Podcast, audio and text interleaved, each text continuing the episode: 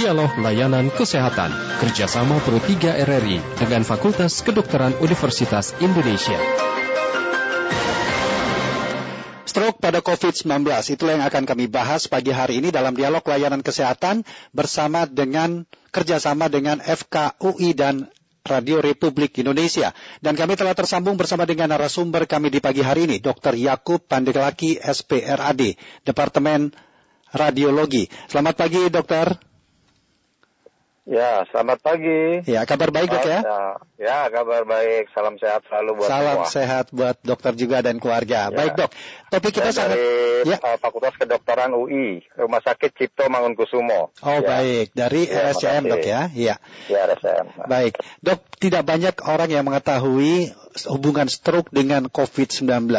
Sejauh mana COVID-19 itu dapat meningkatkan resiko stroke dok? Ya, oke. Terima kasih. Ya, terutama saya akan jelaskan mengenai peran saya ataupun peran di bidang radiologi ya, keilmuan saya berkaitan dengan terjadinya stroke pada pasien-pasien COVID-19. Eh, biasanya eh, fokus pasien COVID-19 adalah di paru-paru. Itu yang eh, menyebabkan ada beberapa pasien yang eh, tidak eh, disangka-sangka setelah sembuh COVID-nya malah terjadi stroke. Ya, itu yang kita harus perhatikan. Ya, di samping kita memperhatikan COVID-19 ini hanya ke paru, juga untuk ke organ yang lain, bisa ke susunan saraf pusat ataupun juga ke organ-organ yang lainnya. Itu yang perlu diperhatikan karena dia menyebar.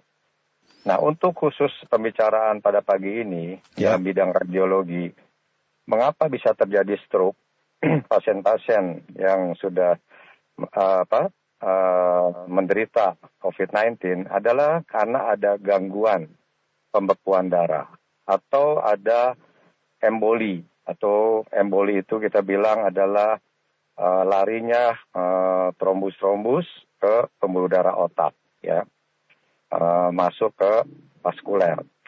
Nah, di situ akan terjadi penyumbatan, ya, yaitu yang kita sebut gangguan cerebrovaskuler.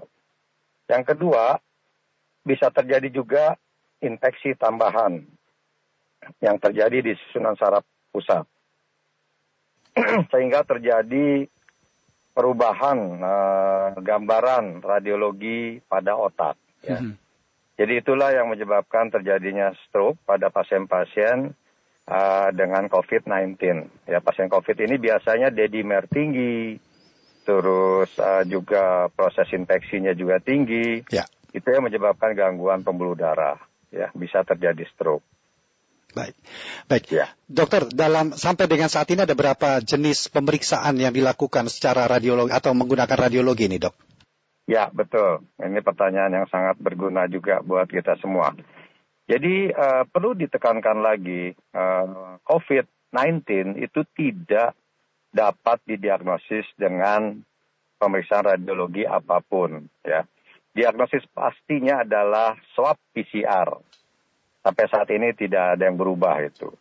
Tapi peran radiologi bisa membantu, ya, dalam menegakkan diagnosis atau mendiagnosis banding lebih ke COVID-19 misalnya dibandingkan TBC, dibandingkan tumor itu mungkin bisa kita arahkan sesuai klinis ya. Tapi diagnosis pasti tet- tetap swab PCR Ya. tidak tidak bisa tergantikan.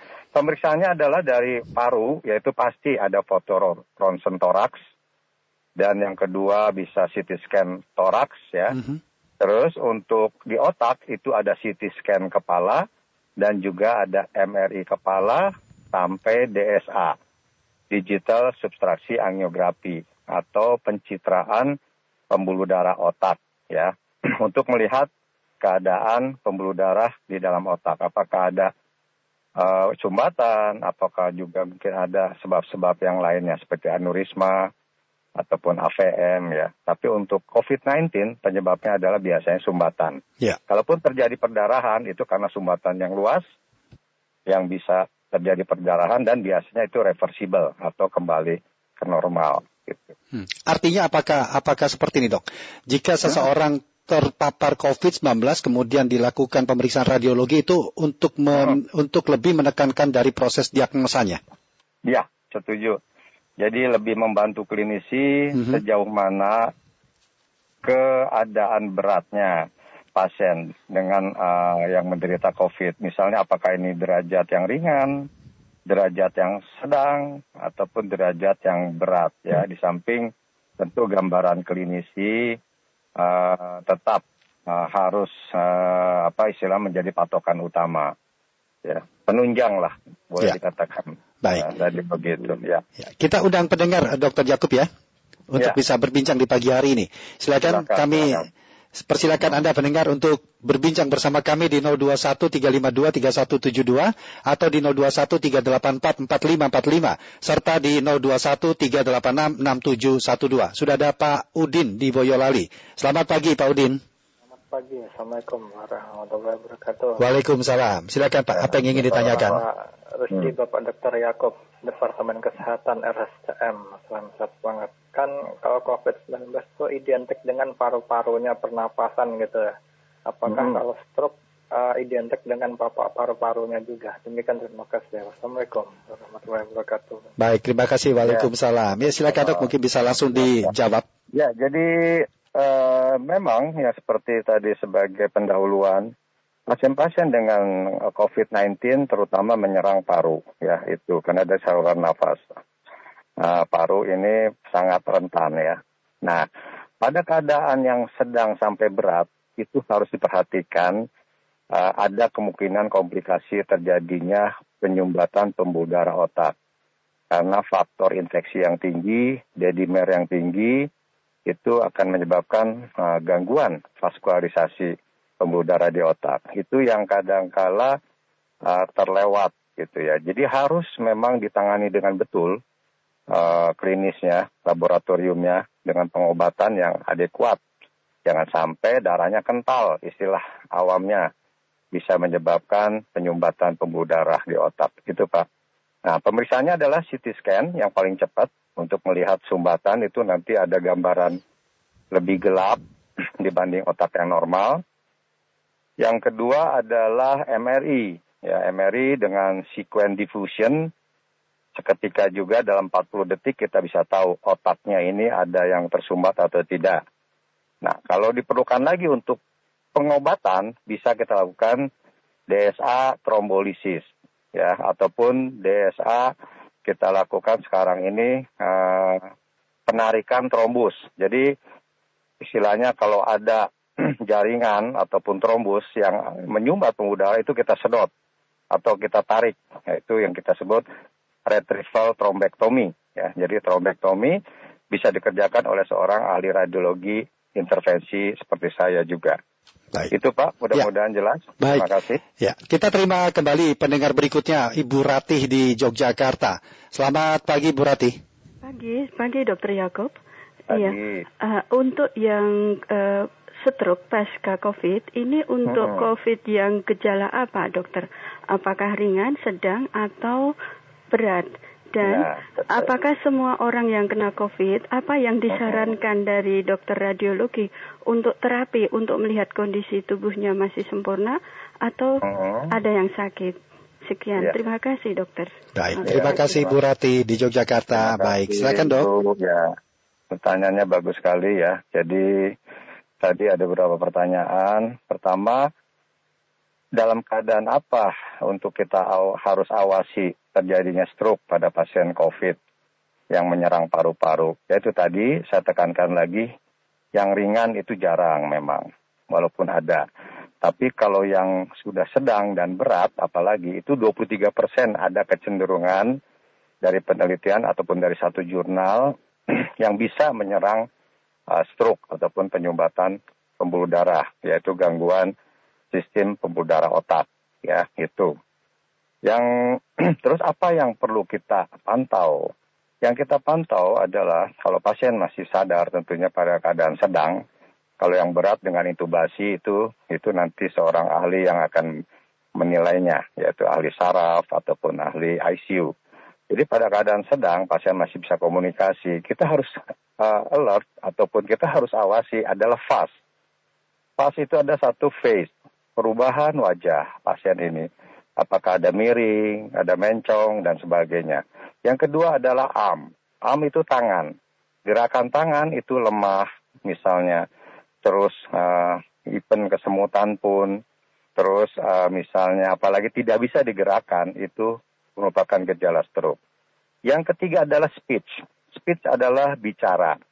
Jadi kalau pasien yang COVID-19 terus tiba-tiba pelok, tiba-tiba tidak bisa bicara, itu juga gejala stroke. Yang keempat adalah T, fast ini uh, F, Fanta, Alpha, uh, uh, ya tadi Am, terus speech ya, uh, Sierra, terus T, Tango. T ini adalah uh, time. Jadi harus di bawah tiga jam segera ke rumah sakit yang mempunyai fasilitas CT scan, MRI, dan angiografi ya. Jadi bisa ditangani tepat kalau di bawah tiga jam gitu. Jadi itu poinnya. di samping itu untuk seorang awam yang kita awasi keadaan pasien. Yang lain-lain nanti dokternya yang akan mengawasi secara laboratorium. Di samping itu juga seorang ahli radiologi juga nanti membaca CT scan-nya misal. Ada nggak misalnya ada gambaran emboli di pembuluh darah paru, seperti itu. Terus untuk klinisi nanti diperiksa dedimer, ya faktor-faktor pembekuan darah, faktor infeksi, itu semua ada listnya. Ya, itu semua diawasi dan diberikan obat sesuai kompetensinya. Biasanya akan merawat dokter spesialis paru atau konsultan penyakit dalam uh, penyakit tropis infeksi, ya atau juga ditambah ahli hematologi ataupun ahli ICU. Jadi biasanya kalau sudah keadaan berat kita merupakan satu tim yang bekerja sama. Ya. Itu penjelasan dari saya. Baik. Kira-kira mudah-mudahan bermanfaat. Ya.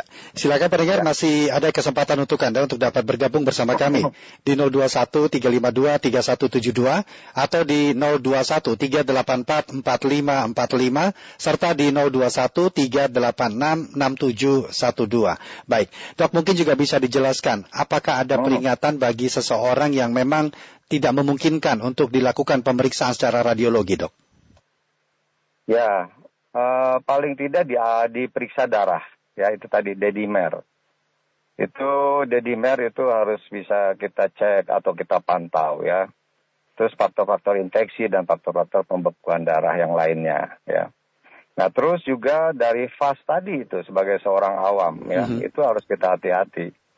Ya jadi face, arm, uh, terus uh, res, apa, uh, speech dan time ya itu harus kita perhatikan pada pasien-pasien dengan stroke, eh sorry, uh, COVID-19 yang uh, ring, uh, sedang dan berat ya. Kalau yang ringan uh, biasanya memang jarang terkena gangguan uh, pembuluh darah otak. Ya. Gitu. Tetapi jika seorang atau ibu hamil itu apakah cukup aman untuk dilakukan pemeriksaan radiologi, dok? Ya, kalau untuk MRI, kalau pada trimester kedua dan ketiga tidak ada masalah. Ya, untuk CT scan ataupun untuk uh, X-ray itu perlu uh, ada indikasi yang kuat atau perlu tidak nih daripada apa manfaat sama risikonya. Kalaupun diperlukan itu dikasih shielding atau istilahnya pelindung uh, untuk proteksi radiasi untuk yeah. di perutnya gitu. Jadi tidak mengenai janin dan kita hanya konsentrasi misalnya kena parunya saja.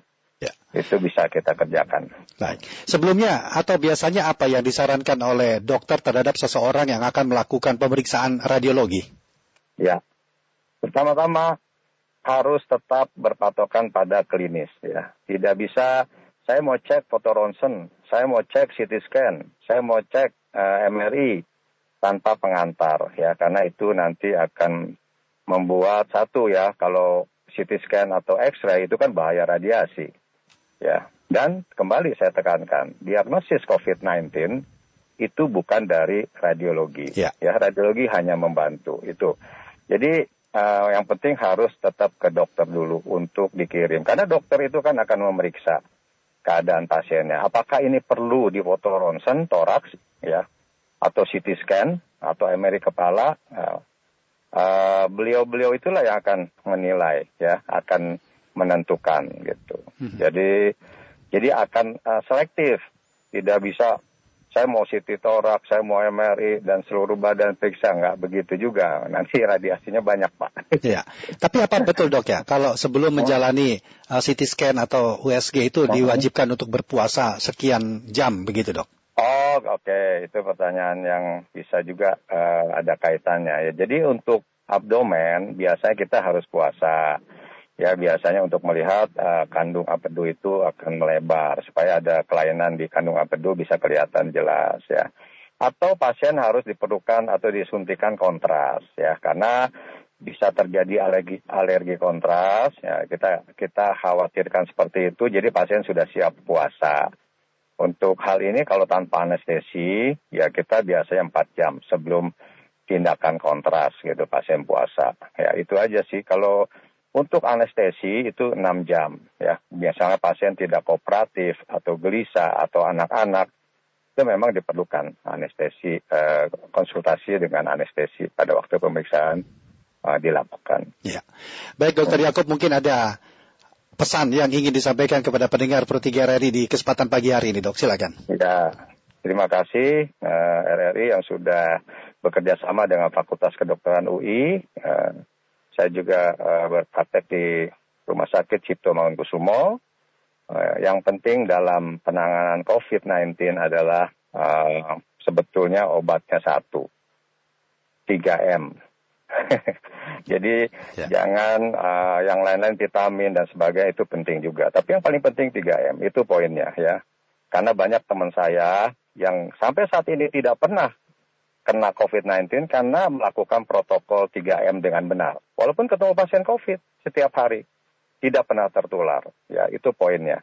Yang kedua, bagian radiologi ataupun peran radiologi untuk COVID-19 itu sebagai penunjang. Kecuali untuk trombektomi tadi, pengangkatan trombus stroke di otak itu treatment.